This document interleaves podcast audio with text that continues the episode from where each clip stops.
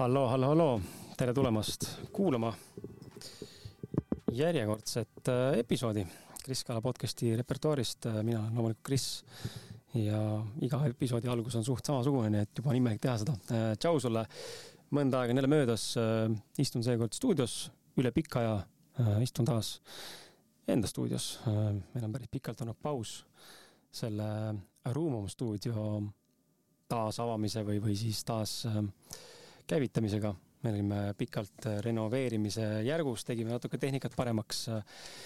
enam ei pea äh, kruvikeerajaga siin mikrofoni äh, seadistama ega, ega kaameraid vahetama, vaid on eraldi puldid olemas, mis saab näpuga või enda arvutist läbi äpi saad ise kaameraid vahetada, kui stuudios istud.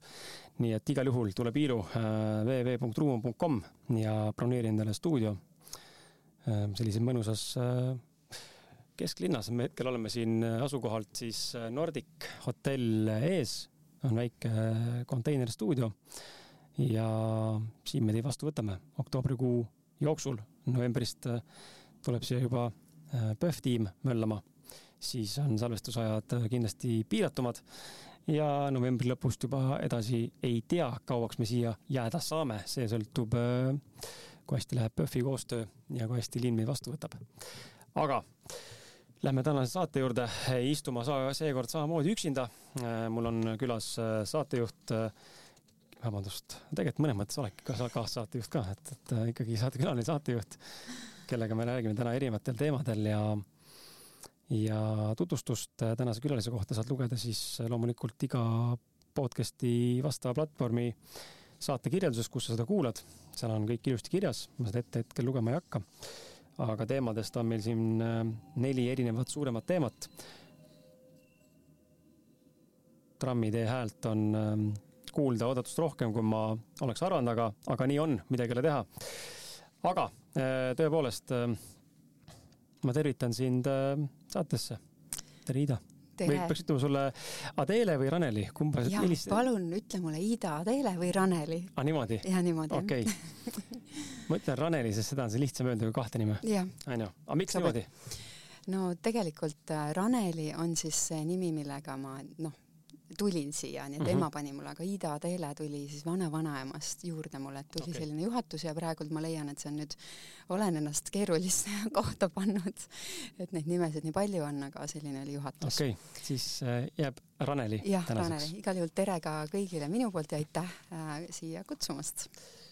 Teeme sinuga sellise mõnes mõttes nagu klassikalise alguse, aga noh, ma alati ütleme sihuke kaheksakümmend üheksa protsenti saadetest, mida ma olen teinud, ma lähen alati inimestega lapsepõlve.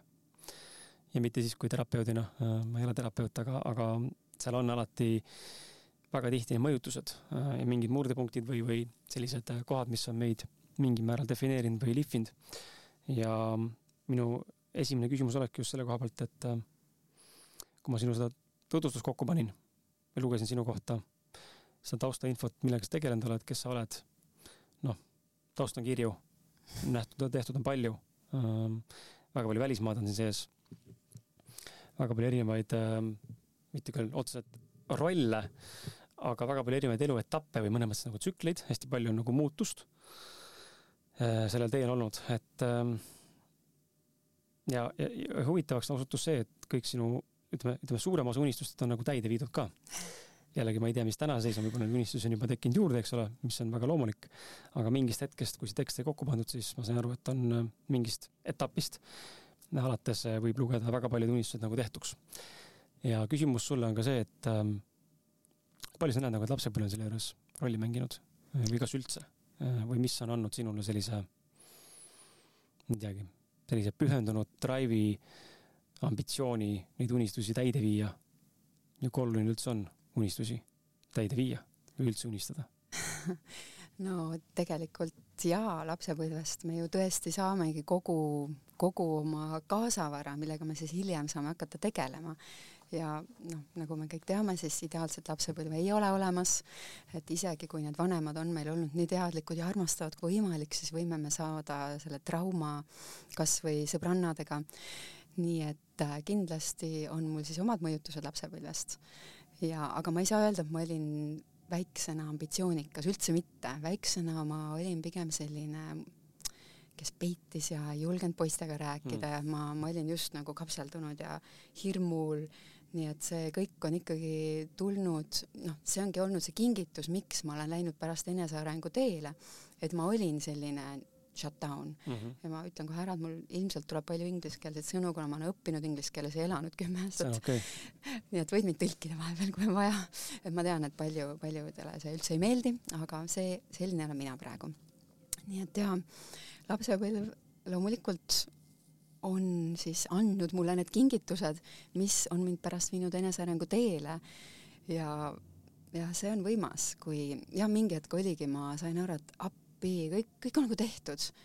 Ja nii hea oli elu, nii võimas, noh, ütleme, see hakkas, hakkas esimese lainega, kui ma õppisin manifesteerima aastal kaks tuhat kümme. Ja järsku mu elu lihtsalt muutus niimoodi, et ma ei oleks suutnud uskuda, et mina, mina üldse saan kõike seda, sest enne seda vahetult mina arvasin, et noh, et mulle ju ei ole ette nähtud, eks ju mm. -hmm. lugesin ikka kroonikut ja vaatasin, kuidas kõigil on väga lahe elu ja kallid asjad ja jube kihvt kõik, eks ju. mitte nii päriselt oleks, see on näiline. täpselt, et noh, see on muidugi eraldi teema, kust mm -hmm. hiljem olen endale päris lahe, lahedad jutumärkides programmid avastanud ehk siis sealt äh, ebateadliku inimesena loed midagi ja vaatad, oo, vot see on äge, eks ju. ja järsku sa avastad mingi hetk hiljem, et sa tahad neid samu asju, ehk siis see on juba programmeering mm. -hmm. Et ma arvan, minul hetkel kõige tähtsam sõnum kõigile ongi tegelikult see, et meid programmeeritakse iga hetk kogu aeg. kas me valime lubada lasta ennast programmeerida või me otsustame ise ennast programmeerida. jaa, nii et ähm, jah, ma soovitan seda teist varianti aga kui tulla nagu unistuste juurde ja toome selle kroonika näite korraks ja spontaanselt sisse, et väga tihti inimesed, äh, noh, ja ma ise olen ka seda oma elus kogenud mõnel korral. Õnneks ma olen nagu läbi hammustanud selle, et äh, mis on minu unistus ja mis ei ole. ja mingi aeg, ma mäletan, see oli paar aastat tagasi, kui ma ühe oma sõbraga ennast pidevalt võrdlesin mm. -hmm. ja jube halb tunne oli, kui tal läks nagu hästi ja mitte ma oleks nagu kade olnud otseselt mm, -hmm. sest et ma sain sel hetkel aru, et, et see ei ole nagu kadedus, sest ma tegelikult ei taha sama asja saada, mida tema tegelikult teeb. ma ei taha elada seda elu, mis tema elab ja ma ei taha teha seda, mis tema teeb. Aga ometi on taustal selline, no võib-olla mõnes mõttes oli kadedus üss, aga selline arusaamatus, et ta tahaks ka nagu kogeda seda midagi sarnast. aga see andis mulle nagu selle mõiste ja, ja arusaamise, et kui oluline läbi laksata, mis on nagu sinu unistus ja mis ei ole kui palju sina oma elus äh, seda nagu näinud oled ja, ja võib-olla oskad sa äkki mõnda nõuannet anda ka, et kui inimene vaatab seda välisfassaadi, eks ole, kellegi teise elu või, või kroonikat või neid teleseriaale või mingisuguseid Hollywoodi näitlejaid või tipp, tippklassi staare, eks ole. ja mõtleb, et tahaks ka. kuidas mm -hmm. aru saada, et see, kas sa tahaks ka nagu päriselt genuine sinu enda authentic pool või ta on ikkagi replikaat kellegi teise saavutustest mm? -hmm no tegelikult see ongi üleüldse kõige esimene asi, mida peaks hakkama vaatama, et mina ise, ma arvan, et ma olin kolmkümmend, kui, kui ma hakkasin vaatama, et oot, kelle uskumusi ma tegelikult usun mm, -hmm. Noh, ikka needsamad programmid. Ja ja ikkagi palju olid ju ema uskumused, mis on ka täiesti naturaalne, et ähm, ema noh, tahab mingit moodi elada ja sa võtad need üle. Ja ongi väga nagu isegi naljakas vaadata sedasama kroonika näidet, kus äh, no seesama asi hakkas jooksma mu elus. Ja noh, see on muidugi puhas ego, eks ju, sest sellel hetkel veel mulle tundus, et oo, nüüd ma olengi väärtuslik, nüüd mul on mm -hmm. umbes needsamad need hinnasiltidega asjad küljes, et oh, äge, eks ju mm -hmm ja no muidugi tagantjärgi, noh, tõesti on lõbus nagu va vaadata ennast siis sellel hetkel, kui see tunduski, et oo oh,, vot nüüd mm -hmm. ma olen mhm. mingi selline äge, aga no selline programmeering nagu palun nagu uskumatu. aga noh, see ongi elu, see ongi elu, et äh, lapsepõlves ju kuni kahekümnendati on meil siis ettevalmistus eluks ja kui hakkab kahekümnendad hakkavad pihta, siis ongi, et appi, et nüüd hakkab see elu pihta. aga kuidas me siis seda elu elame, algul no see on ikkagi ebateadlik, kuigi nüüd uued noored, ma olen lihtsalt vau, kui teadlikud nad on juba mingi kahekümnendas, mul on sõbranna kahekümne kahe aastane. mul on nagu ülivõimsad kogemused ja jutuajamised temaga mm -hmm. olnud. et see on väga lahe. aga jah, et sa küsisid selle, et kui tähtsad on need unistused ja nende poole püüdlemine. et no mina arvan, et see ongi ainuke viis elada, sest kui ei ole unistusi, siis ju ei olegi mitte midagi mm. -hmm. et unistus võib, ei pea ju olema nagu minul, et oo, ma tahan sinna oma hobusega sõita ainult kaelarihmaga. ehk siis, et ta pea ümber ei ole midagi juhtida, ta nii, see võib-olla mõne jaoks on hoopis, ma tahan metsamajas rahulikult üksinda elada, raamatut kirjutada, oma päevikut seal pidada, rahulikult rohulibedega rääkida, onju. et see ju ongi igale eluetapile hästi erinev, aga see nagu peab olema, sest siis saab seda teekonda nautida sinna unistuseni mm. -hmm. minu meelest on see nii. aga kui toome nagu võib-olla sellise situatsiooni, et äh, noh, ma ise olen mõnes mõttes selles nagu äh, olukorras olnud ja ma usun ka sina ise ja kindlasti mõni kuulaja, kes praegu kuuleb, et vahel võib-olla ongi elus selline etapp või, või oma, omajagu tsükkel, kus ei olegi nagu noh, tekib tunne nagu, et mul ei olegi unistusi või nagu ma ei oska enam millestki unistada või ma ei ütle, et on selline apaatsus või, või mingisugune depressioon võib-olla mõne hõnguga seda võib-olla seal kuskilt, eks ole, kumab läbi.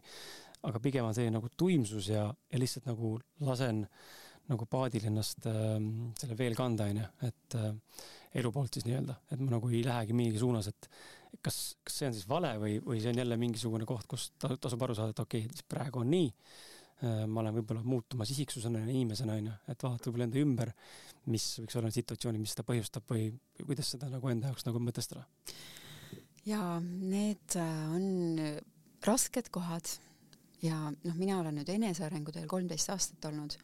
algul muidugi oli selline lahvatav leek, selline, hakkasin mõtetega looma, kõik oli uskumatu, vau, võimas. nii, edasi sain aru, et oi, et aga ainult nende mõtetega ei saa, et ikkagi tuleb need programmid ka alt ära puhastada mm. -hmm. no siis hakkasin sellega tegelema pikalt seal aastaid, kõik need programmid ära puhastada, uskumused ja siis oli, kui ma kolisin tagasi Eestisse umbes viis-kuus aastat tagasi, mõtlesin ka, oo, ma kolin Eestisse peale kümme aastat tagasi, ma olen nüüd mingi eriti võimas jumalanna, kes iganes, mis ma siin kõik kohe tegema hakkan. ja ma istusin aasta aega diivanil. Mm -hmm. ja ei teinud mitte midagi. Ja ma isegi ei teadnud, mis mul viga on. Ja see oligi selline, selline aasta mis oli nagu vaja, et see kohale jõuda, nii et elu, elu on lainetena sinna, see on tegelikult nagu paratamatu, ma vahepeal isegi mõtlesin, ma ei taha isegi kuulda midagi sellest, et ma peaksin kuskil tänulik millegipärast olema mm -hmm. ja ise oma mingeid vibratsioone sellest, ma olin väsinud sellest kõigest mm. -hmm. et see, see käib lainetena, see ongi nii ja vahest ongi, et ma ei viitsi praegu olla millegi eest tänulik ja aktsepteerimine, praegu on nii ja see lihtsalt on lainetes, kujuta ette, sa ei saakski ju kogu aeg olla seal laine, laine tipul, sa isegi ei suudaks enam seda nautida, sest see on tegelikult ka intensiivne. aga samas, mida rohkem endaga tegeleda, siis ongi vahepeal on tunne, et oo, nii võimas, onju, selle kukud sinna alla. tegelikult me ei lähe kunagi samale tasemele alla, vaid seal on ka nagu väike selline redel, see on nagu kolmnurk käib, et me oleme seal nii-öelda all, siis me hakkame üles minema, siis me tuleme alla, aga mitte sellele alumisele mm, -hmm. vaid nagu veits kõrgemale. ja noh, me tegelikult ikkagi kogu aeg on evolutsioon onju. nii et äh, et jaa, tegelikult ma ise tunnen, et kõige tähtsam on, et nendes madalates kohtades on endal see toetusvõrgustik või suudad coach'i võtta või võtadki aja, mingi aja lihtsalt olla seal siis noh, tegelikult seda peab tegema. nii lihtsalt on hmm kui me räägime unistustest, siis äh, millised võiks olla mõned need parameetrid ja märksõnad, mille abil oled sina oma elus tulemusi äh, saavanud? Ja, ja millised võiks olla võib-olla, no ütleme, siuksed nagu hands-on practical nii-öelda guideline meie kuulajatele, kuidas, kuidas siis äh, noh, võime nimetada seda materialiseerimiseks, manifesteerimiseks, äh, milles iganes veel või lihtsalt unistuste ärategemiseks või täideviimiseks, et äh, on seal mingid, oled sa nagu märganud enda puhul mingisuguseid kindlaid märksõnu või parameetreid, mis äh, on sellised asjad, mis võiks öelda, et näed, kui seda teed, siis ma saan lubada, et, et sa kindlasti liigud nagu lähemale, et see aitab kindlasti kaasa mm. -hmm. tegelikult äh, noh, ikkagi usk ja tahe on selle kõige alus ja endas selle sellise nagu drive'i ülesleidmine ja loomulikult, loomulikult kõik need tänulikkused ja, ja sellised praktikad aitavad, aga lõppkokkuvõttes on ülitähtis ikkagi fookus ja töö. et äh, nagu see fookuse hoidmine. et ma praegult näiteks mõtlen, kaua ma olen enda hobusega tegelenud, ma olen tegelenud temaga neli aastat ja äh, eelmine suvi siis hakkasin pakkuma hobushow'd mm, sündmustele ja ja siis mingites kohtades, noh, mulle pakuti nii väikest tasu ja ma mõtlen, et appi, et see on tegelikult neli aastat, mis ma olen teinud. No sorry, ma ei saa sinna tulla saja viiekümne euroga, eks ju. et, ähm, et äh, see on, ma ütleks, et kõige suurem osa võib-olla ongi töö, töö ja need väikesed sammud, kas mul on vaja õppida midagi. Ja loomulikult ikkagi coach või toetaja, no tegelikult. Et äh, mul on endal mõni transformatsiooni klient. Armastan inimestega töötada pikalt nagu järjest, mitte üks või kaks sessiooni, vaid ongi kolm kuud, kaksteist seanssi. neljandal seansil alles tuleb välja, mida ta üldse unistas ja aidata tal siis võtta need oma must-, mustrid maha, programmid maha, et ta päriselt ise ka usuks, et ta selle ära teeb mm. -hmm. ja ongi need e väiksed, vähe, väiksed vaheeesmärgid, ehk siis usk, tahe, vaheeesmärgid, abi, toetus. muidugi visualiseerimine ja tänulikkus, sest tänulikkuse praktikaga me saame hoida endal sellist äh, nagu elujõudu ja sädet, et appi, me oleme juba midagi, näiteks kui sa mõtled mõnele mis asjale, mis sa juba oled ära teinud, et oo, ma sain sellega hakkama, ma tegelikult saingi sellega hakkama ja nagu tunda tänud selle, selle asja suhtes mm, -hmm. et mhm. see aitab meil seda sädet hoida ja edasi liikuda. kas sa oled äh, minuga nagu sama meelt ja see on koht, kus võid vastu vaielda, aga see sama tänulikkuse teema, et mm -hmm. ma ka kunagi, ütleme, minu eneseareng hakkas ka umbes selline ütleme viisteist, neliteist aastat tagasi. ja, ja siis sai seda tänulikkust ka kultiveeritud päris äh, jõuliselt ja, ja mõnes mõttes isegi nagu fanatismini välja, eks ole. ja täna ma olen sellises kohas, kus ma ei, ma ei mäleta, millal viimati oleksin nagu päriselt äh, maha istunud ja tänulikkust nagu loetlenud või kirjutanud mul on nagu okse tuleb kuhu kurku, ma kuulen seda. nagu sa just ütlesid enne ka, onju, et mul nagu tekib see, et nagu ma saan nagu aru sellest ja noh, loomulikult on hetki, kus ma istungi omaette või no lapse või naisega ja, ja. tunnen, et kurat, ma olen nagu päris tänulik, et see on olemas mm. -hmm. aga seal on nii palju seda fake'i, noh, sellist nagu punnitamist või sellist nagu mm -hmm. forsseerimist. ja see on hakanud minu puhul mm, muutunud nagu selles mõttes äh, otsustavaks või mõjutavaks faktoriks, et ma ei, ma ei tahagi seda teha läbi selle, et ma pean nüüd pidama päevikut või sundima ennast tänulikkust tundma, kui ma tegelikult antud momendil tunnen, ma olen nagu täiesti sihuke nagu noh, kas tühi, eks ole mm, -hmm. või lihtsalt neutraalses emotsioonis, et ei ole mingit ülevoolavust ega, ega vikerkaari kuskil onju. et ei ole nagu selles meeleolus või mida sina arvad, kas, kas peaks ennast ikkagi siis selles mõttes nagu sellise universaalse tööriista ja, ja harjutuse juurde mõnes mõttes nagu sundima või peaks minema ikkagi kaasa tundega ja laskma siis nii-öelda justkui spontaanselt vaadata, et näed, kui ma täna ei tunne, ma tahaksin erakordselt tänulikkust näidata välja kirjutamise või, või rääkimisega, siis äh, ma ei pea seda tegema, see on okei okay,, et see ei ole see, et ma nüüd a la, kui ma seda täna ei tee, siis universum karistab sind. jaa, see on väga lahe teema ma ise see aasta olen hästi tugevalt jällegi tegelenud äh, siis leadership, ma ei tea, enesejuhtimisega, leadership lihtsalt kõlab nii hästi, selle teemaga ja seal ikkagi on nii, et ähm, tõelised liidrid ei jälgi ainult oma tunnet, et oh, ma täna ei tunne ja siis ma ei mhm. tee. ja ma tegelikult jällegi noh, rääkides vaimsest maailmast nagu vahest väsisin sellest ära, et leppisime kokku, et saame kokku, aga ma ei tunne praegult ja siis ja, me ei kohtu ja siis on nagu okei okay,, et aga kas me siis ei saagi mitte midagi, ma ei saa mhm. sinuga arvestada, eks ju mm. -hmm. et mina ise liidri seisukohalt tunnen, et miks osad inimesed on edukad, sest nad teevad asju, mida teised ei viitsi ja mm -hmm. ei taha teha, sest ma ei fiili praegu. et äh, tulles tagasi küsimuse juurde et noh, tegelikult ma ise tunnen ka, et, et ma võiksin veel rohkem ikkagi seda päeva programmeerida, ehk siis sa istud selle hommikul seal maha, võtad selle oma tee. noh, mind aitab väga näiteks muusika isegi praegult selle äh, podcast'i alguses sa lasid muusikat mm -hmm. ja ma tegelikult läksin tänutundesse, sest ma olen tänulik praegult, et ma sain mm -hmm. jagada kõike seda, mida ma olen õppinud ja inspireerida teisi. nii et äh, rääkides leadership'i seisukohast, siis tegelikult äh, no tegelikult ikkagi tuleks teha. aga noh, samas kindlasti mitte niimoodi surudes, et tegelikult kui minna sinna palvesse ja tänusse, see on ilus, see on ilus, see on tegelikult imeilus. absoluutselt, ei vaidle, ei vaidle vastu, kui selle õige tunde kätte saad sealt. ja, ja just, just ähm,. okei okay,, tuleme mm, tänulikkuse juurest äh, korraks eemale äh, meie järgmise teema juurde, milleks on see lai maailm ja maailmaränduriks äh, olemine, mis sul on ka õnnestunud elus äh, saavutada ja kogeda. et sa olid kakskümmend viis, äh, kui sa kolisid äh, ringi rändama ja seiklema. kust tuli see otsus Eestist ära kolida ja miks just Austria sai esimeseks selliseks suuremaks või tähendusrikkamaks peatuspunktiks?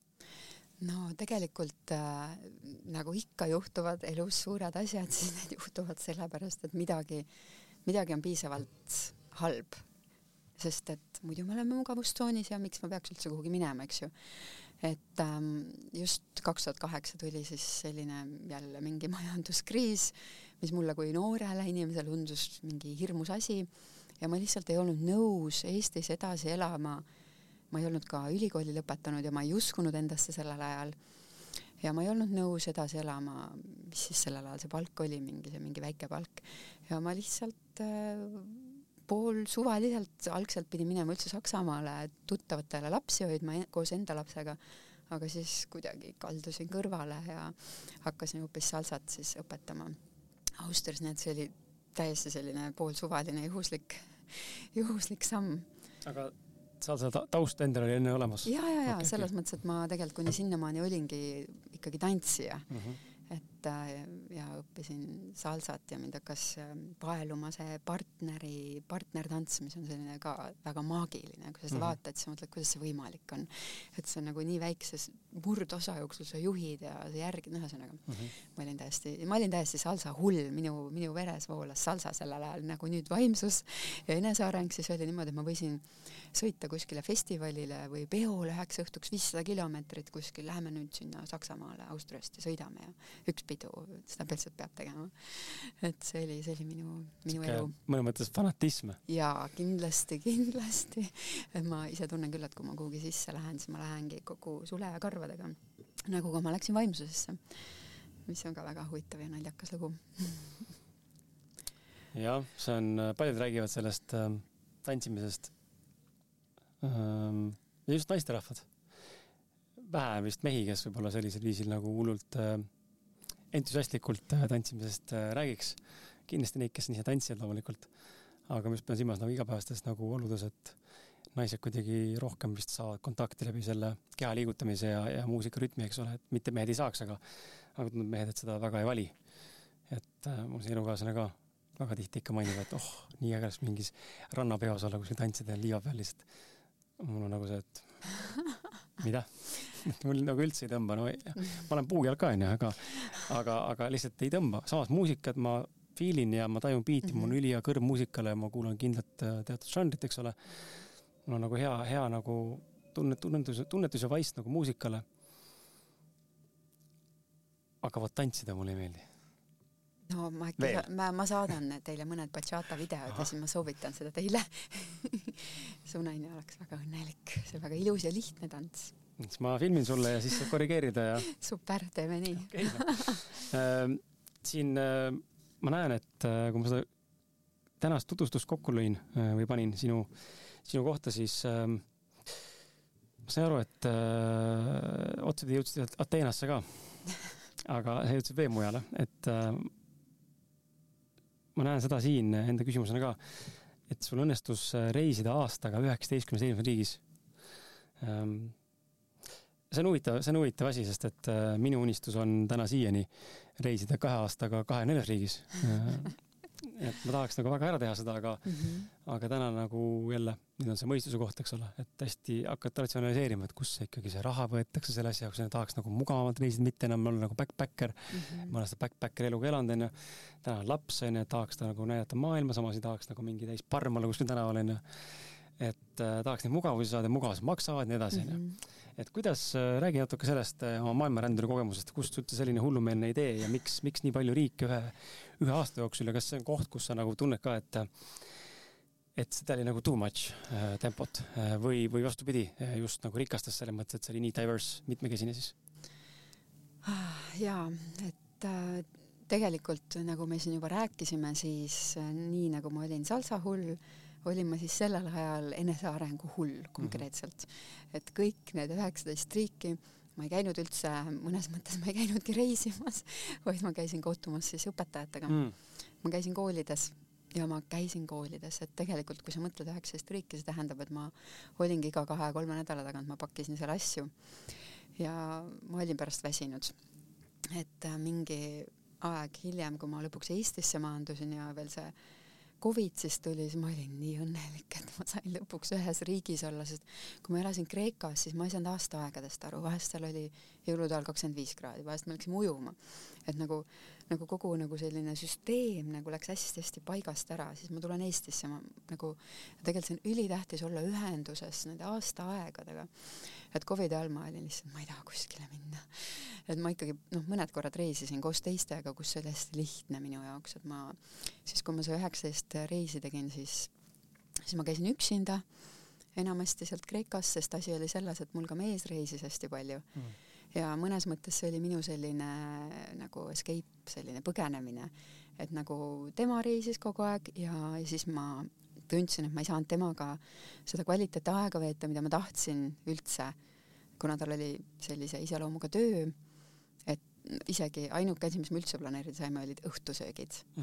Nagu ainult nädalavahetusi, mitte midagi nagu paar nädalat aast-, aastas, kaks nädalat oli tal vaba siis et see oli nagu minu selline jah, nagu põgenemine, aga samal ajal muidugi väga kirglik põgenemine, sest et see oli nii, nii võimas ja maagiline kõik see selline enesearengu, enese algolemusse kukkumine nii-öelda, et ma isegi nagu rännakuõpet tegin Eestis ja ma reisisin kogu aeg siis Eestisse Ateenast mäletan, kui ma esimene kord, tervitusi trammidele mm, -hmm. esimene kord tulin siia rännaku seminarile ja lendasin tagasi ja olin äh, Frankfurdi lennujaamas ja siis järsku tunnen, vau, et mul tuleb praegult selline enda algolemuse kogemus praegult seal lennujaamas mhm. peale, kukkusin Lättasse, siis enam-vähem hoidsin sealt seinast kinni ja olin lihtsalt vau, kui võimas.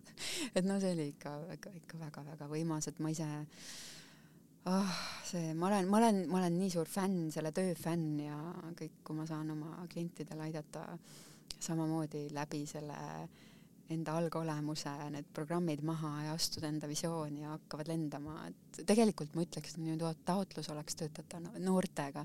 kujuta ette, kui üks noor, kahekümne ühe aastane saab transformatsiooniprogrammi endale lubada. ma töötan temaga kolm kuud ja saab sellise elu alustuse mm. -hmm. programmid maha, kohe visiooni lähme, no muidugi need hakkavad muutuma, aga vau wow,, see on võimas. mul lihtsalt hiljuti on olnud üks selline noor klient ja see on nii äge, äge.. aga kui nagu tuua välja mõned, äh, ütleme nende koolide ja õpetajate juures mingisugused asjad, mis sa oled omandanud, õppinud ja märganud, et sellised universaalsed tõed ähm,. oskad sa äkki mõnda välja tuua, mida meie kuulaja siin mm -hmm. saaks nagu endaga kas kaasa võtta või, või, või kaasa noogutada ja mõelda, et oo oh, jaa, kihvt, et ma olen ka nagu selle peale, selleni jõudnud, et äh, päris huvitav. no ma ütleks, et tegelikult äh, minu jaoks, mis on tõeline vabadus, ongi see enda tundmine. ja neid vahendeid on palju. astroloogia, human design, you name it, on ju. et aru saada, sest sealt sa saad ka mõnes mõttes kinnituse, miks sa mingeid asju teed mm. -hmm et see enesetundmine, miks ma mingeid asju teen ja see aitab siis, näitabki näha neid oma mustreid, et noh, tegelikult ikkagi, ikkagi kõige, kõige tähtsam mõnes mõttes on need oma programmid ja mustrid, ebaterved uskumused ja mustrid, miks, miks me mingeid asju teeme, et ähm, no see on lihtsalt kõige alus kõige alus, et puhastada ära need ja siis installeerida peale need uuemad uskumused ja lõpuks see kõik muutub automaatseks, et noh, nagu meil ennem oli juttu, et ma ei viitsi enam tänulik olla mm, -hmm. sest meil tegelikult ei olegi vaja enam olla, sest me oleme siin viisteist aastat rapsinud ja teinud, et see kõik ju kogu aeg puhastub, puhastub, puhastub ja siis sa oled nagu pigem rohkem sellises ähm, heaolutundes, et sul ei ole enam selliseid võib-olla nagu mega kõrgeid, oh my god, mis võimsaid kogemusi, aga sa oled juba kogu aeg nagu selles loomises, noh aga kui sa räägid äh, algolemusest, siis tekib jälle see huvi, et äh, noh, räägitakse väga palju algolemusest, äh, ähm, kõrgemast minast, minu päris olemusest onju, minu päris mina, autentne mina, nii edasi, et mis asi see algolemus inim-, per inimene siis nagu ole, olemust on, mida noh, kuidas nagu kirjeldada seisundit, kui inimene, kes ei ole võib-olla endaga kontaktis mm -hmm. või, või aru saanud, mis ta päriselt elult tahab saada või kes ta tegelikult on või ja.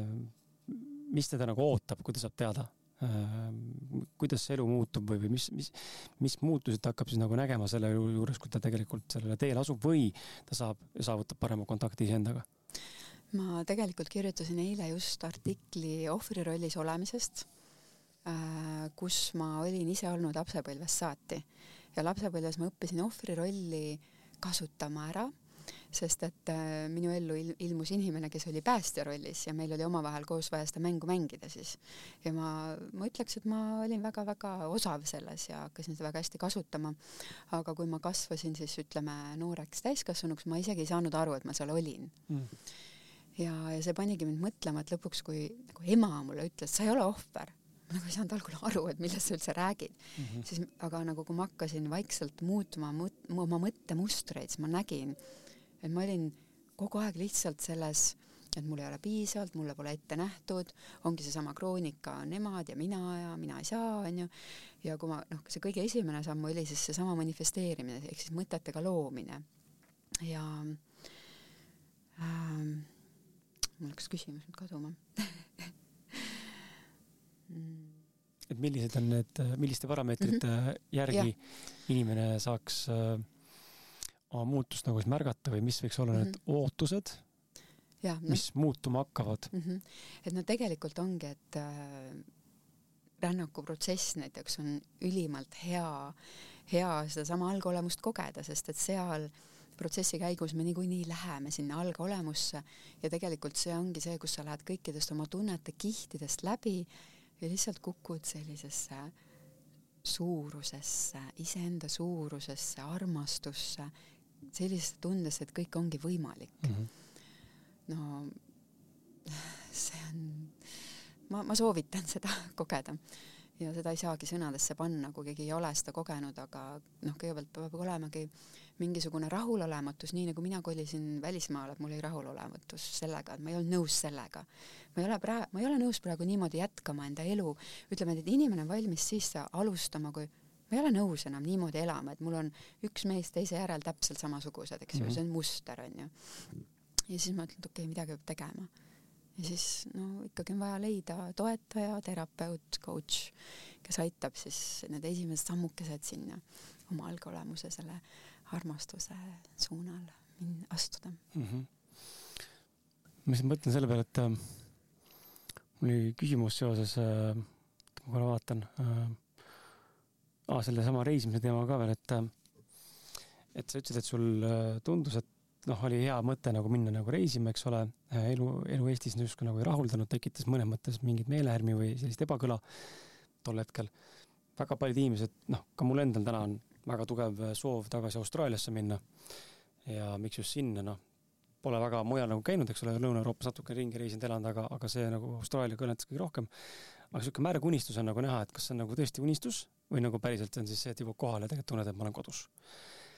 Ehm, ja noh, nüüd on see koht, kus väga paljud äh, ümberringi ikkagi on vahelduva eduga tahtnud nagu vihjata, et ma põgenen, onju. ei ole seal mujal parem kui siin, onju. Aga näed, ma, mina usun, et on. Ja ma näen seda, mis iganes need tingimused ei ole ka, kas ühiskondlik äh, positiivsus, eks ole, inimestena või, või või ma ei tea, paremad elutingimused või heaoluühiskond või rohkem päikest, eks ole, mis iganes kelle jaoks oluline on. et äh, ma ei, ma ei, ma ei taha siinkohal propageerida seda, et kõik su probleemid saavad lahendatud, kui sa kolid teise riiki. ja mõnikord tõepoolest on nagu tegemist põgenemisega iseenda eest. sest et ega inimesena sa ju ei muutu tavaliselt, sa ikkagi võtad sedasama pasandaga kaasa äh, lihtsalt lokatsioon on teine, aga teinekord äh, ise ka näinud seda enda pealt ja, ja ümber olevate inimeste pealt, teinekord see keskkond muudab väga palju tegelikult, annab sellise hea kiki või tõuke ja tegelikult inimene muutub, onju. kuidas sina nagu seda poolt näed, et kas see välismaale põgenemine või, või noh, välismaale kolimine on siis nii-öelda põgenemine või kui see on päriselt sinu soov, siis tuleks seda teed ikkagi minna ja mitte kuulata seda, mis teised sulle projitseerida üritavad? no mina arvan, et kindlasti tuleb seda teha, sest et meil kõigil on täiesti unikaalne, täiesti erinev elutee. me ei saa öelda, et noh, tema jaoks olekski põgenemine, aga sinu jaoks ei ole. et äh, jaa, et mul endal oli hiljuti, oli hästi sarnane asi, et mul on endal hobune ja ma nii väga tahtsin enda lapsele poni osta. mu meel nagu oli, et ei, nagu ära tee seda, mingi selline summa iga kuu, onju. ja ma lihtsalt ei suutnud endale vastu panna ja ma ostsin selle poni oma lapsele. no siis esimene kuu tuli arve, siis oli küll, oh my god, täitsa lõpet, no see on ikka väga palju, onju et aga samas äh, tuleb ära teha, no tuleb ära teha. et või see võib ka olla, et see võib ka olla tegelikult, et mul on näiteks hoopis vaja õppida otsustamist mm -hmm.. noh, sest et mina ise tunnen, et minul on olnud vaja õppida otsustamist. võib-olla mul on vaja otsustada, nii, ma ostan selle ponni, nii, ma lähen ja kolin sinna või ma teen selle ära. et äh, see, mina, mina ikkagi soovitan kindlasti järgida mu unistusi. sest ega enne, ega enne otsuse langetamist ju sa ju teada ei saagi. kas see oli justkui noh ma ei usu, et kunagi vale otsus saab olla alati mingi kogemus, kui sa seda oskad või tahad nagu märgata, aga, aga just see pool, et ma teen otsuse ära, siis ma saan ju näha retrospektiivina tagasi vaadatuna, miks see oli siis kasulik või vähem kasulik. enne kui ma otsust ei langeta, siis ma ju noh, olengi nende kõikvõimalike variantide hulgas, kuniks see asi realiseerub, onju just, just, just, just. noh, tegelikult äh, muidugi rännakus meil on üks selline väike miniprotsess, kus me, et me mõnikord isegi äri, äriinimestel aitame näha neid va valikuid siis mm, -hmm. et nagu see on siis teadliku valiku protsess, et mul on valida see ja see ja noh, me satume kinni oma nendesse meelde appi, et ei, et appi, et ma ei saa seda teha, ma tahan seda teha ja see ongi süda ja meel muudkui räägivad omavahel, et tegelikult seal on ka nagu miksed väiksed äh, võimalused, kuidas siis on tegelikult äh, näha, saada näha, mida siis tegelikult see valik endaga kaasa toob mm. -hmm. aga üldiselt, ähm, üldiselt on nii, et elu ikkagi hakkab väljaspool mugavustsooni ja rääkides sellest sinu Austraalia asjast, et ma ei tea, kas sa oled uurinud seda, aga need äh, astroloogiline kaart on ju ka ja võib-olla sulle mulle sõbranna jagas seda okay.. ütles, et vaata, et see on nii põnev. ma olen väga skeptiline selle koha pealt, ausalt, ma olen nagu, ma saan aru, et astroloogia on äh, teadus mingi haru, eks ole, ja teda ja. on võimalik täna juba nagu mõõta ja, ja nagu, aga ma olen ikkagi nagu väga skeptiline. ma saadan sulle pärast veel ühe äpi ja siis räägime edasi. Aga mis välja tuli, ma võin sulle jagada. Okay,, välja tuli, välja tuli see, et äh, et äh, tõepoolest Austraalia soosib mind äh, inimesena väga jõuliselt, äh, nii äriliselt kui ka suhetes, enesearengus, kõiges muus, et see soosib. et kõik on nagu noh, roheline tuli justkui mm. -hmm. ja Eesti oli siis kahjuks või õnneks see piirkond siin oli selline, et no natukene on tunda seda, mida ma tunnen oma elus, et ma olen nagu piiratud mõnes mõttes ja ei, ma ei mhm. ütle, et nüüd mingi maagiline jõud mind takistab. ma usun, et ma ise ikkagi vastutan iseenda elu eest ja loon oma elu, aga aga selge on see, et siin on selles kollektiivses maailmaruumis on neid mõjutusi või mõjufaktoreid enam kui mina ise, mis saavad mõnes mõttes natukene nagu nihutada või mõjutada või, või, või mm, muljuda seda väljundit, mis minu elu nagu looma hakkab. et Austraalia jah, teoorias näitas mulle küll, et see on koht, kus nagu on hea olla ja kui ma mõtlen selle peale, et see oli, oli välja toodud huvitav asi, et see oli välja toodud sihuke asi, et äh, looming on äh, väga tugev Austraalia noh, seal regioonis ja kandis mm, -hmm. eks mhm. ole.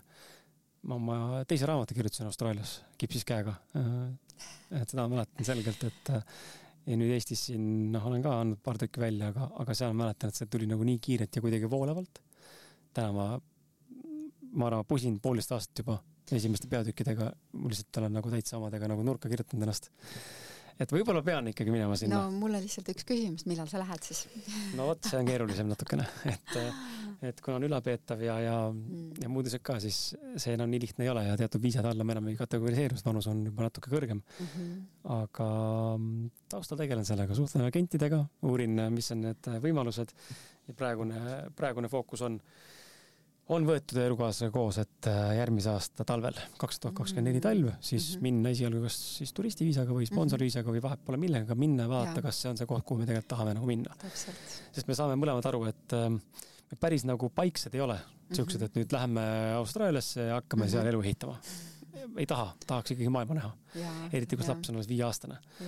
et äh, siukest van life'i tahaks ka saada veel. just, just. aga, aga see mm -hmm. asukoht nagu siukse ühe potentsiaalse pidevama asukohana kindlasti kõnetab rohkem kui mm -hmm. siiamaani külastatud riigid ja elatud riigid mm. -hmm et jaa, see on seesama koht, et, et nagu tõeline vabandus on endast tunda ja näha, noh, tegelikult näiteks astroloogilist kaarti ma täiega soovitan uurida ka tagasiulatuvalt, et kus sa oled käinud ja mis sa oled loonud mm -hmm. ja mhm. kuidas see on, ongi, et üks ütleb, oo, ma käisin selle Lanka, nii äge, eks ju, teine, see oli nii nõme.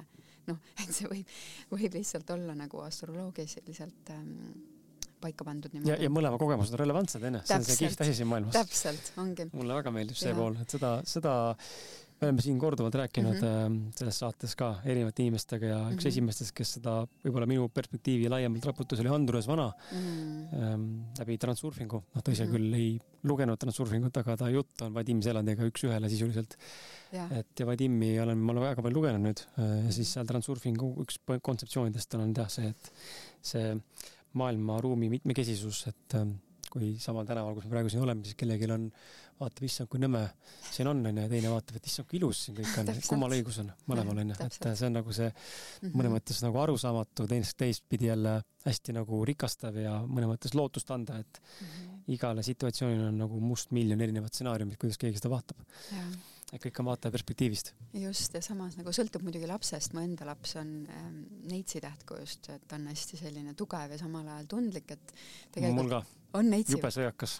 jube raske on temaga koos, mul, mul on temaga väga raske, ma olen ise lõvi, mul on nagu väga raske temaga koos olla, hullult trigger'id käivad minul sünnist saati okay, no,. väga hull wow., väga hull ma tean, ma tean, millest sa räägid. nagu väga hull lihtsalt. selles mõttes, et kuidas nagu tema liidriomadused säilitada mm, -hmm. nii et sa ise ka ellu jääd. et ta sündis, ta oli mingi, ma ei tea, aastane, kui ta pani oma sellise kaheteist aastase juba paika, eks aga ja et see lihtsalt see reisimise jutt meenutab, et ma käisin ise Indias, kui Mara siis oli mul viieaastane ja ta oli seal ühed ähm, äh, inglise tüdrukud olid teinud ühe sellise džunglikooli Põhjakohas.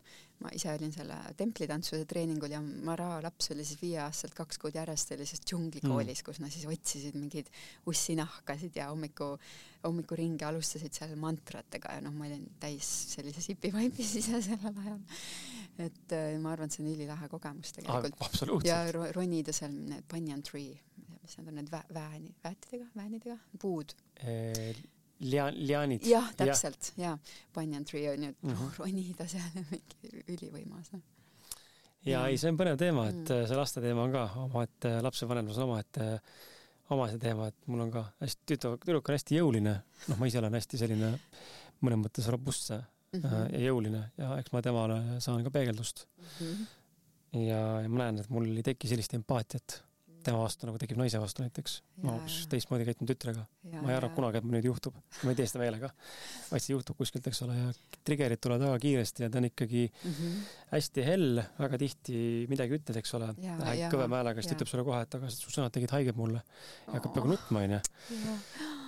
ja siis teine, teinekord on see, kui öeldakse sulle, et noh, a la, ma ei tea, tapan su ära, vaata onju, suurest veehaavast kust need sõnad tuleb, ma ei tea, aga näed mm, -hmm. näen, seisab enda eest, läheb ja. ülikurjaks.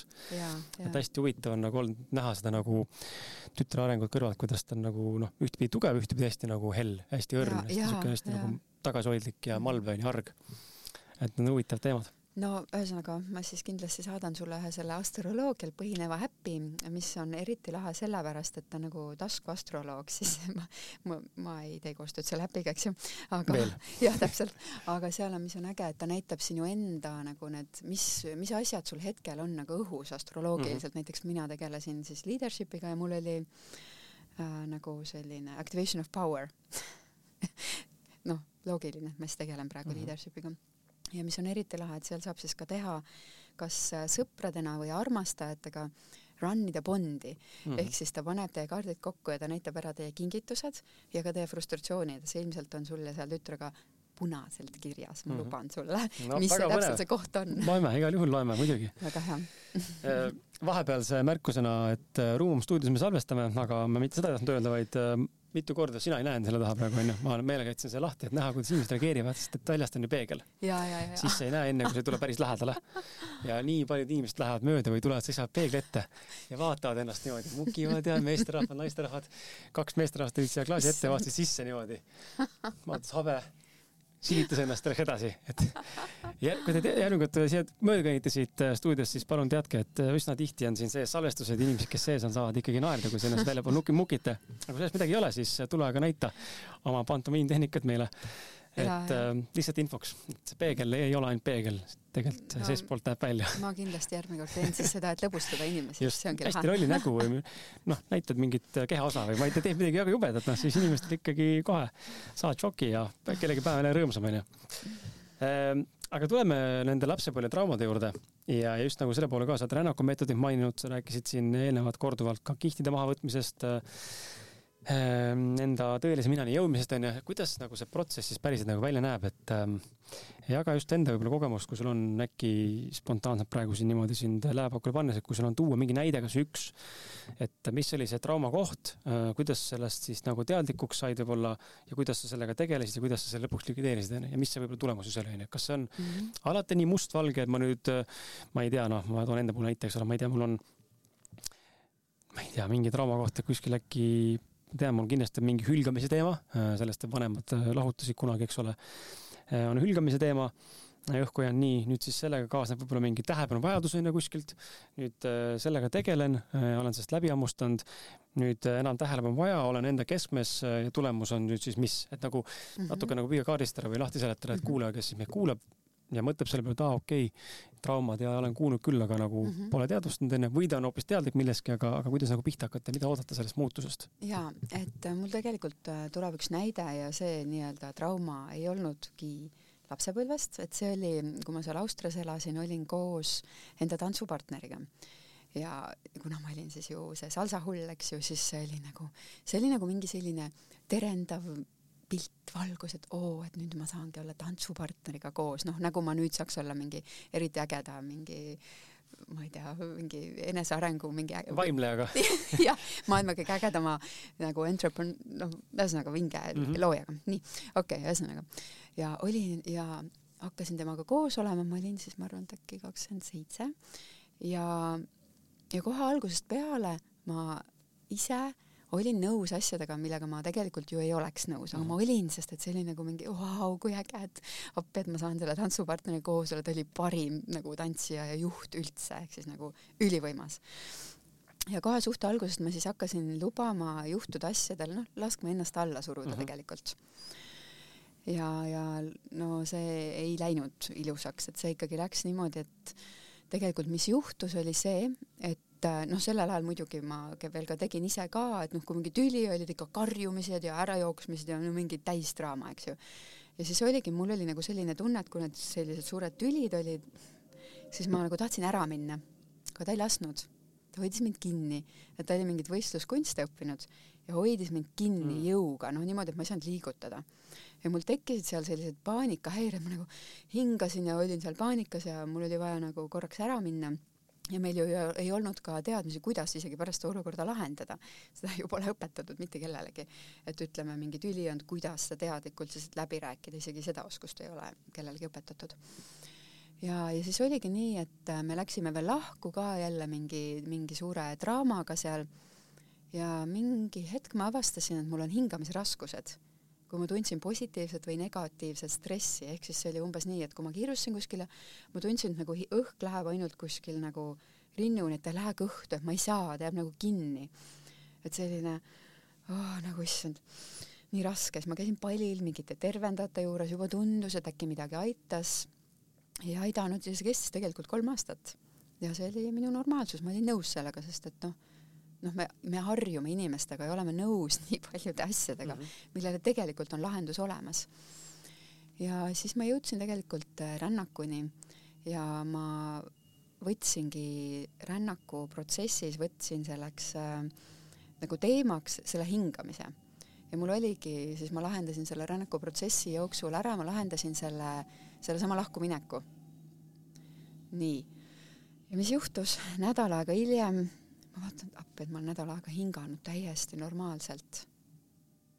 ma olen hinganud täiesti normaalselt, ehk siis mida see tähendab, see tähendab seda, et meil on olnud mingi traumaatiline kogemus, see salvestub meie rakkudesse, reaalselt salvestub rakkudesse, rakumälusse ja kui meil ei tervenda ära seda algpõhjust, see jääbki sinna. Ja sellest saab siis alguse kas vähk, vähk, hingamisprobleem, võib-olla hingamisprobleemist olekski midagi muud arenenud, eks ju, depressioon, nii, ühesõnaga nojah, ja siis ma saingi tegelikult lahenduse, nii et äh, ma olin sellest vaba mm. -hmm. huvitav jah, et need, need ütleme, siuksed traumad või kohad tekivad teinekord äh, täitsa nagu noh, saate algus ka täitsa lambi kohtadest onju, et see ei pea olema alati negatiivne kogemus, võib olla ka positiivne onju või mm -hmm. näilis midagi väga nagu lihtsat. noh, ma juba tean, ma olen oma lapsele tekitanud mingite sõnadega nagu mustmiljon traumat, eks ole, millega ma pean pärast elus tegelema hakkama ja tema ka. aga, aga ma loodan, ma selleks ajaks suudan talle toeks olla ka. aga noh, mõnes mõttes on need ka vältimatud, noh, me ei saa ju, saa ju kasvatada inimest äh, vati sees, eks ole, või, või, või püüda teha igat sammu selliselt, ma olen tegelikult märganud isegi seda, et kui ma olen mõnes mõttes närviliselt ja paaniliselt mm -hmm. üritanud olla päeva jooksul niimoodi, et ma käin kikivarvul enam-vähem, noh, sitsin lapse järgi, onju. et noh, jumala eest ei tekiks kohti, kus ma saan, kus ma plahvatan ise närvi, lähen närvi, eks ole. siis läheb veel hullemini, noh. sest ma üritan nagu please ida ja siis ja. ma näen, et ma lähen, teen mingi absurdse vea mingis täiesti absurdses kohas, eks ole mm. -hmm. või mingis pseudokohas tekib mingi jube suur mingi arusaamatus mm. -hmm. ja, ja siis läheb see karussell käima, onju ja, ja sest sa surud alla ja tegelikult on ju see, et mida sina ei väljenda, tema hoopis väljendab, sest mm -hmm. sa mhm. tegelikult lihtsalt kogu aeg surud alla ja proovid olla nagu, eks ju mm. -hmm. et noh, see meenutab mulle, ma, kui ma elasin seal Ateenas, ma kohtusin ühe India naisega, kes oli käinud ühes sellises vaimses koolis ehk siis selline hästi turvaline, ilus, kena, tore ruum, ruum terve elu tema lapsepõlve. siis ta tuli tavamaailma. no see oli kohutav šokk tema jaoks mm. -hmm. et kuidas sa pärast äh, no kuidas sa pärast hakkama saad selle tavamaailmaga, et need õppetunnid on kõik üliolulised. üliolulised õppida ja. inimeseks. mõtlen, et äh, räägime korraks äh, siia kõrvale ka õnnelikuks äh, või õnnelikuna elamisest, õnnelik olemisest äh,. ja nagu vaadata inimesi, kes siia vaatavad, ilma et nad teaks, et tegelikult me näeme, onju. et äh, inimesi on tegelikult väga vahva jälgida teinekord. jah, jah. jah, nii et võite ka tulla lihtsalt rentidesse stuudiot, et vaadelda äh, inimesi. lihtsalt vaadake, vaadelge, siin ei ütle keegi midagi teile, keegi ei näegi teid. saate popkorni kaasa võtta ja lihtsalt vaadata, et äh, teinekord on kihvt näha, kuidas inimesed reageerivad ja mis on nende keha emotsioon või. aga, aga just see õnnelikkuse teema, et mm -hmm. äh, mida sina arvad, mida inimesed vajavad ähm, selleks, et päriselt õnnelik olla ja, ja kuidas, kuidas seda õnnelikkust defineerida? tegelikult ähm, teel siia ma korra kuulasin ühte sinu podcast'i. millist? Ähm, pealkirja ei oska öelda, aga sa rääkisid enda sellest raamatust Kontaktis endaga mm., kus sa tõid vist näiteid paljudest inimestest mm. -hmm. ja tegelikult ma kuulasin seda, et mina ise nimetan seda ühendus iseendaga mm. -hmm mina ütlen, et äh, see ongi see, et kui sa oled endaga ühenduses, sa tead, mis on minu ei, mis on minu jaa, julged seda väljendada, tead, mida sa tahad, ehk siis sa tead, kuhu suunas sa lähed, on ju, mida sa, mis samme sa teed. et noh, tegelikult ähm, noh, minu jaoks transformatsioon saabki tulla ainult läbi selle, ma ei tea eestikeelset sõna, aga stretch ehk siis, et me ei saagi muutuda, kui me ei lähe sellest mugavustsoonist välja, ei tee neid mingeid samme Ven. venitus nii-öelda siis? venitus, pikendus jah, aga noh, ta on nagu laiendamine, noh. nojah, laie-, laiendamine ja nagu enese laiendamine, et astuda välja sellest, kuidas me kõike tavaliselt teeme mm. -hmm. mina ise nagu enda inimeste, klientidega, enda inimestega teengi neid selliseid laienduskohti, kus nad astuvad välja. et noh, näiteks Tony Robbins räägib siin sellest, et saada kellelegi sõnumi, nagu päris sõnumi, mis sa mõtled, et ta hästi tegi. Needsamad sellised väiksed sammud, headust ja siis laienemist, enda laienemist, et äh, läbi selle saab, läbi selle saab õnnelikuks, nii on. Ähm, ma olen vahe mõelnud selle peale ka, et ähm, kas see õnnelikkuse ähm, tagaajamine või, või või noh, mitte me kõik seda hullult taga ajaks, aga alateadlikult ikkagi me inimestena tahame olla õnnelikud mis iganes tingimustes äh, või, või eluvalikutes see kellegi jaoks nagu on. aga ma olen vahel mõelnud, et kas üldse on nagu vajalik või sinna jõuda, et, et üldse tunda nagu mingit ülevoolavat emotsiooni või kas ma võin nagu olla neutraalne, noh, olengi see tüüpiline eestlane kivinägu, mõnes mõttes nagu kohati tundub, et see, kes on kivinägu, ma mõnes mõttes ütlen, ütlen nagu ausalt, see võib-olla kõlab halvustavalt nende jaoks, kes ja. on alles enesearengu teel või kes mm -hmm. tunnevad inimesi, kes ähm, on sellised mm, -hmm. aga mhm. mulle tundub, et inimesed, kes on tavainimesed ja seda on väga raske defineerida, eks ole, aga ma oma yeah. nägemuse sellest, inimene, kes ei huvita enesearengust, kes ei usu sellesse vaimsesse maailma, keda ei huvita üldse mitte miski väljapoolt seda, mis on siin see füüsiline onju, käin tööl ja, ja suren ära, pension ja televiisor, kroonika mm -hmm. ja sõbrad ja chit-chat ja pläkutamine ja lapsed ja ja toit on toit, eks ole, pole vahet, milline see on või mis koguses või mida ma söön, pole täitsa suva, onju, et mõneti nagu tundub, et lihtsam on isegi niimoodi elada.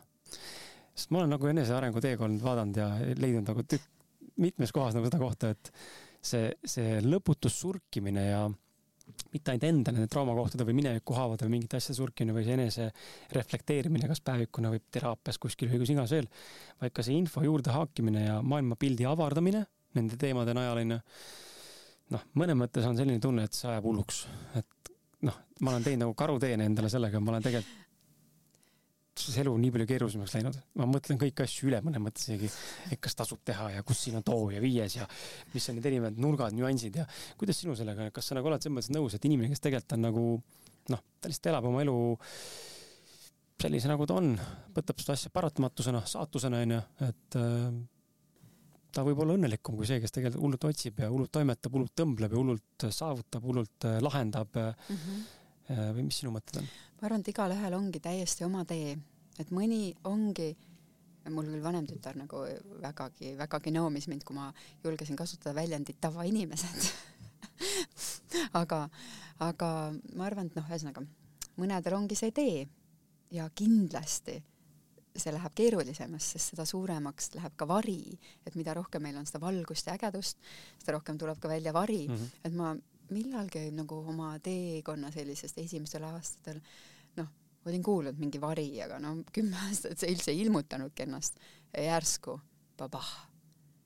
see oli tegelikult kaks aastat tagasi, kui ähm, ühe mu hea koostööpartneri sõbrannaga vari tuli nii välja, et aasta aega ma, see oli nii kohutav, et kui kohutav see üldse olla sai et vari tuleb välja ja, aga noh, samal ajal me ikkagi, et ma arvan, tead, kui sa ütlesid, et kas on nagu mõtet seda õnnelikkust taga ajada, siis kogu see töö ikkagi tegelikult aitab meil jõuda mitte lihtsalt selle mingi joovastava õnnelikkuse, vaid rahuloluni mm, -hmm. vaid, vaid nagu lihtsalt see, et noh, et ongi, et meil ei ole enam see, et ma isegi ei oska niimoodi praegu rääkida, aga et noh, ma tean, et mõned inimesed räägivad, et kui midagi juhtub, täit no täitsa pekkis, mis nad räägivad, et noh, see lihtsalt kogemus, ongi ahah. ja okay. ei satu sellesse reageeringusse. täpselt, mm -hmm. et nojah, okei okay,, praegu oli selline asi, et okei okay,, noh, tõuseme püsti, lähme edasi ja ei olegi, noh, praegu on nii, eks ju mm. -hmm. et ma arvan, et see lihtsalt ähm, muutub. et ma arvan, et tegelikult ikkagi tasub ära see töö, sest et siis sa ei, no samas, samas on ka huvitav vaadata, et meie, noh, need inimesed, kes on teinud, vajavad seda, mõned ei vaja mõnedel noh, piisab otsusest onju ja nad teevad seda, kes on nagu võib-olla hästi tugeva sellise leadership'i noh omadustega mm. -hmm. lihtsalt otsustavad ja teevad, neil ei olegi vaja sealt sobrada, ma ei tea kui kaua. et noh, minul oli ka, et ütleme, et ma olen siin kolmteist aastat vaimsel teel, siis noh, isegi tundus et appi, et ma ei tea, mul isegi nüüd partnerite võimaluse valik nagu läks praegu noh, ma ei tea, mingi peaaegu et nulli, eks ju. sest et nüüd ma ei saa enam olla kellelgi, kes nagu üldse mitte millestki sellest aru mm -hmm. ei saa, eks ju aga samas äh, ma ise tunnen ka, et ma olen hästi tugevalt, tulen välja sellest kõigest, et kogu aeg hullult protsessida, et hiljuti mul üks tuttav nagu äh, proovis pakkuda oma mingit sellist hingamisseanssi, ma olen seda kõike teinud kolmteist aastat, hetkel ma tahan elada tavamaailmas seda elu ja tuua seda teisteni ilma suurte protsessimata, sest ma olen seda teinud kolmteist mm -hmm. aastat, eks ju, et me ei saagi, sinna ei tohi tõesti kinni jääda, et ma ei mäleta, kes äkki Brandon Pace meil seal rännaku õpi-, õp-, äh, õpetuses võib-olla oli see tema, aga ütlebki, et ei, ma ei tea, kes see oli, aga igal juhul point on selles, et mõnikord tunneli lõpus valgus on lihtsalt rong mm. -hmm. ja nii ongi, ei saa nagu üle mõelda, oh my god, kas ma põgenen ja kõik need asjad, et tõesti võib see hulluks ajada. universum ilmutab ja ja, ja, ja. nojah, noh, see ongi see see mittereageering, võib-olla oskus mitte reageerida ja see ei tähenda, et sa oled nagu apaatne elu suhtes või kuidagi, et ja. või et see surub maha, onju, midagi juhtub, et loomulikult koge, ela neid tundeid ja emotsioone ja, ja nuta, kui vaja on ja naera, eks ole, aga aga mitte reageeringusse astudest, et äh, täpselt nii ta ongi, it is just what it is onju. jah, täpselt. Aga see on nagu hullult kihvt nagu oskus, mida nagu rakendada, et äh, ma näen ise, et mingite situatsioonidega mul see õnnestub, mingites mm -hmm. situatsioonides ei õnnestu. sest et ma omistan mingitele valdkondadele ja teemadele suuremad tähtsused onju, et mhm. see on nüüd hästi tähtis minu jaoks. et ja sealt tekib kohe stress ja muud asjad juurde onju, aga noh, mulle alati meeldib see jälle mõnes mõttes näiteks Andrus Vana tead olen kuulnud. okei okay,, et mm -hmm. ta tõi kunagi saates ühe näite, mis minu juurde nagu väga tugevalt jäänud ja see -hmm. seda näidet tegelikult tõi, on toonud paljud teised veel, aga see niimoodi kõnetab, onju, et seesama eh, Ukraina sõda on hea näide, onju. ta küll ei rääkinud Ukraina sõnast, aga mina praegu toon selle näite, onju, et see on nagu valus teema inimeste jaoks. ühtepidi siit maisest perspektiivist vaadatuna inimesed surevad, eks ole, ja tohutu kaos ja, ja jube kahju ja kõik on nagu kole, onju. teisest pilgust vaadatuna see on puhtalt perspektiivi küsimus, et inimene, kes saab sõjas surma, kelle lähedased sõjas surevad, kelle kodu hävineb, see on tohutu katastroof ja kaootiline sündmus, väga kole asi onju, sõda on halb. aga sõjatöösturi ja relvatootja jaoks, kes sellega raha teeb, noh, tal on täna nagu näpu püsti onju ja šampusepudelid lendavad. et äh, ja mitte, et see on õigustus nüüd, et sõda on õige. Äh, aga just see koht, et kui me eemaldame ära selle äh, vaatevinkli või selle hinnangu sellele sõjale, siis sõja oma olemuselt on ju lihtsalt see, et inimesed tulistavad üksteist püssidega või mingitest asjadest, see on lihtsalt sihuke situatsioon. kui ma selle mingit juurde ei pane midagi onju, see on sama mm -hmm. situatsioon, kus me oleme, istume laua taga, kaks inimest lihtsalt räägivad. Siin ei ole mitte mingit hinnangut onju ja, siia on lihtsalt mitte hinnangut anda. täpselt mm. -hmm. aga see on nagu mind alati mõtlema pannud ka, et, et kui suudaks nagu jääda neutraalseks kõige suhtes, et ja õnneks enamasti ma suudan ja ma näen ka, et sellepärast võib-olla ma olen ka mõnes mõttes rahulikum ja väga nagu uudiseid ei jälgi ka, sest et mul täitsa suva noh. ma tunnen, et see ei mõjuta mind sellisel viisil ja loomulikult mõni ütleb siin, et oi no kui tulevad siia, vaata noh. noh, siis vaatame edasi. mis ma täna täpselt. ikka mõtlen selle peale. mõtlen kolm aastat ette, kui Venemaa meid ründab, et siis mis saab noh selle mõtlemisega ma tegelikult loon seda, on see ka minu ja, koht, nagu ma usun just, ka, et kui me ikkagi kollektiivselt kogu aeg saame seda kroonikat, eks ole, näkku mm -hmm. ja mhm. ja seal on nagu Delfi või Kroonika või kes iganes see väljaanne on, et mm -hmm. selle kaudu meid ikkagi väga tugevalt kodeeritakse, siis me vastasel juhul noh, ühiskonnal ikkagi lood seda, seda hir hirmu pealt onju. et tegelikult võiks siis uudistes olla ka neutraalsed uudised või üldse mitte, mitte mm -hmm. midagi näidata inimestele jaa, selles mõttes, et ma korra tulen tagasi selle koha juurde, et, et ongi, et tegelikult kui nii sügavalt nagu vaimsusega tegeledes lõpuks ongi see koht, et tegelikult mitte millalgi ei olegi mõtet ju mm. -hmm. et noh, kuna sa ütlesid, võib-olla tekib selline mul suva kõigest.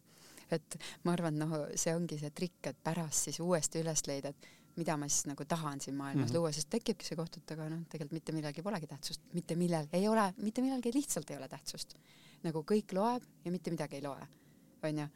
siis sa oled siin, onju et aga jah, et siis uuesti leida see koht, et, et noh, midagi ikkagi ju võiks siis teha, et me oleme siin maises kehastus, millegipärast me oleme ju. et ähm, mida me tulime siia kehastama, et selles konkreetses maailmas teha, et mitte kogu aeg kuskil, ma ei tea, kosmo, kosmoses mm -hmm. hõljuda, eks ju. et mida me siis saame siin ära teha? tuleme selle enesearengu suunitlusega hobuste juurde. me jõuame ajaliselt äh, vaikselt ikkagi saate otsa juurde, täna natuke lühem saade. mul on natuke piiratud aeg kahjuks ja, ja muidugi ma sind saatsin ka valesse asukohta, et sinna läks ka kakskümmend minutit äh,. aga sa tegeled hobustega. Äh, räägi natukene, mis see hobu lausumine, hobulausuja oma definitsioonist on ja kuidas sina seda võib-olla nagu lahti mõtestad ja mida sa nagu teed hobustega või hobusega ja ja kuidas oled hobustega töötamise kaudu avastanud äh, erinevaid võimalusi siis enesearenguks eneseväljenduseks ja, ja mida oleks inimesel, kes meid kuulab täna võib-olla mm, või üldse inimene hobustelt õppida äh, või koos nendega kasvada, et selge see, et igal loomal on oma mingisugune vägi ja oma mingisugune olemus, millega ta saab mingil viisil meid mõjutada, onju, või mõjub erinevalt inimestele.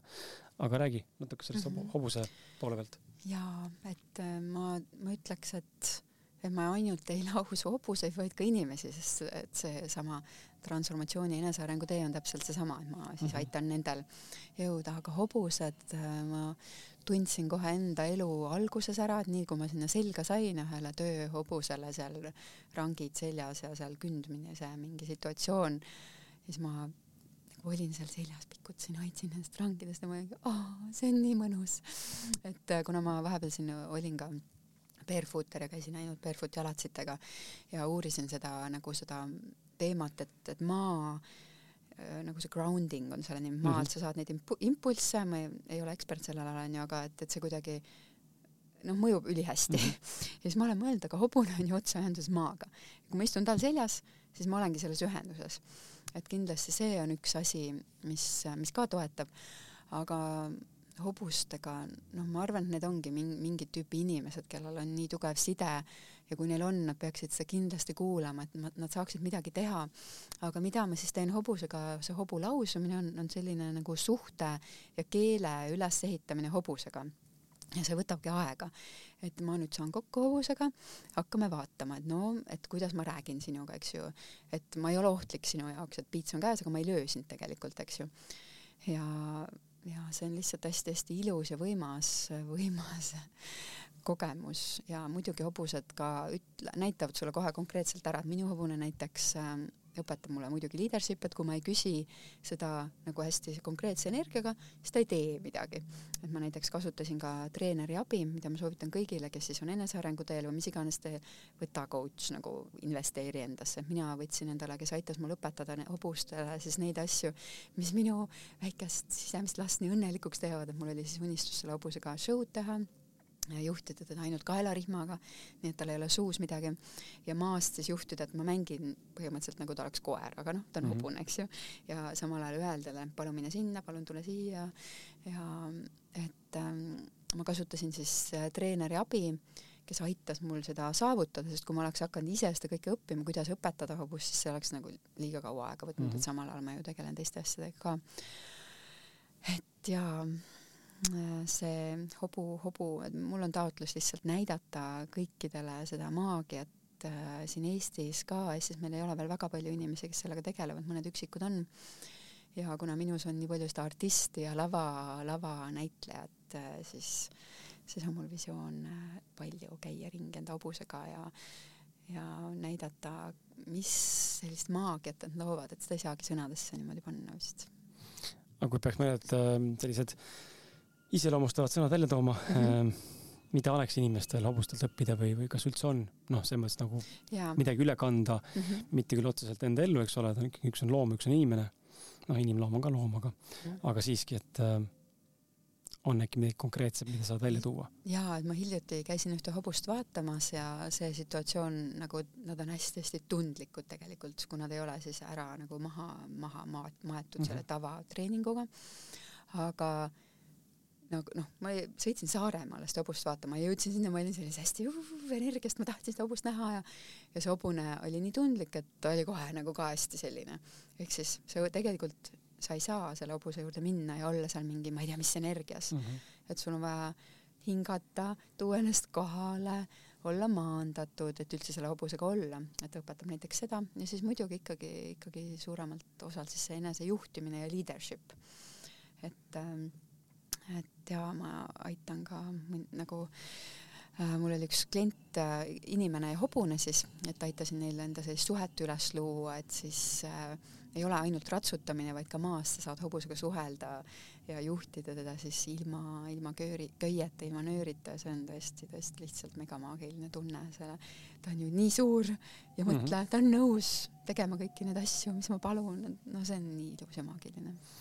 sattusin äh, vaatama Netflixi sarja Sex Education, ma ei tea, kas sa kuulnud seda sarja, mitte? ma millalgi jah, olen korra midagi seal poole silmaga. mulle väga, väga meeldis, väga kihvt, hästi tehtud sari mm. -hmm. viimane hooaeg tuli välja, seal oli siis ka hobustega üks peanäitleja siis äh, sattus siis hobusega tööle, eks ole, kuskile õppima hobuste kohta midagi ja ja siis üks hobusekasvataja siis õpetas talle, et hobust on hea kallistada, et see aga pidi maandama, et ma ei tea, kas see vastab tõele või või mismoodi see nagu aitab, kui hobust nagu kallistada püstiseisvalt siis? jaa, see on parim asi üldse, see on parim asi üldse, et mul enda hobune on päris suur ja kui ma temaga kohtusin, siis ma kallistasin, meie südamed läksid kokku.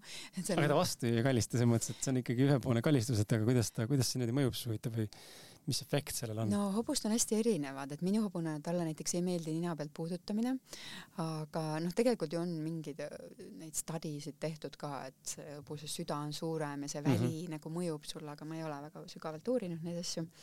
aga nüüd, kui meil tuli see uus väike poni, siis näiteks algul meile tundus, et ta tahab kogu aeg maiust nagu pommida hobused on niimoodi, et kui mõned hobused, kui sa annad neile maiust, väikest kommi, siis nad kogu aeg hakkab pommima sult ja otsima mm -hmm. taskuid läbi ja meile, et noh, ta oli nagu kogu aeg proovis pommida ja see nagu ei sobinud meile, et see oli nagu liiga selline noh, peaaegu agressiivne. ja nüüd paar nädalat hiljem ma vaatan, et tegelikult hoopis ta tahtis lutsutada mu kätt mm. nagu selline väike beebi.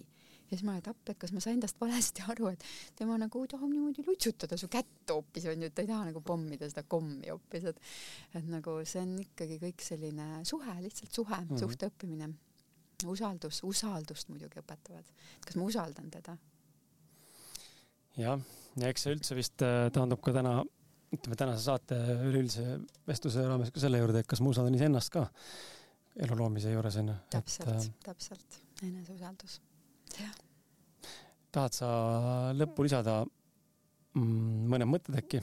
jaa, ma tahan lihtsalt äh, öelda, et ma, ma taotlen, et igaüks leiaks endas selle tahte äh, tahte elada, tahte luua midagi, minna tagasi juurte juurde, mäletada, mida lapsepõlves, mida me armastasime teha, sest need ongi need õiged asjad.